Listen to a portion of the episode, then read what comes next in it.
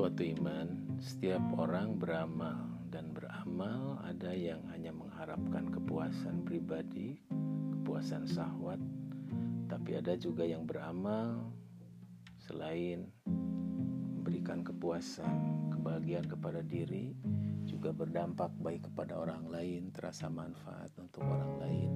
Di samping itu juga amalnya itu menjadi pembuka pintu surga oleh sebab itu amalnya dia akan teliti, dia akan telisik karena dia ingin amal yang dilakukannya itu bukan saja memberikan kepuasan batin, tapi lebih dari itu akan menjadi pembuka pintu surga.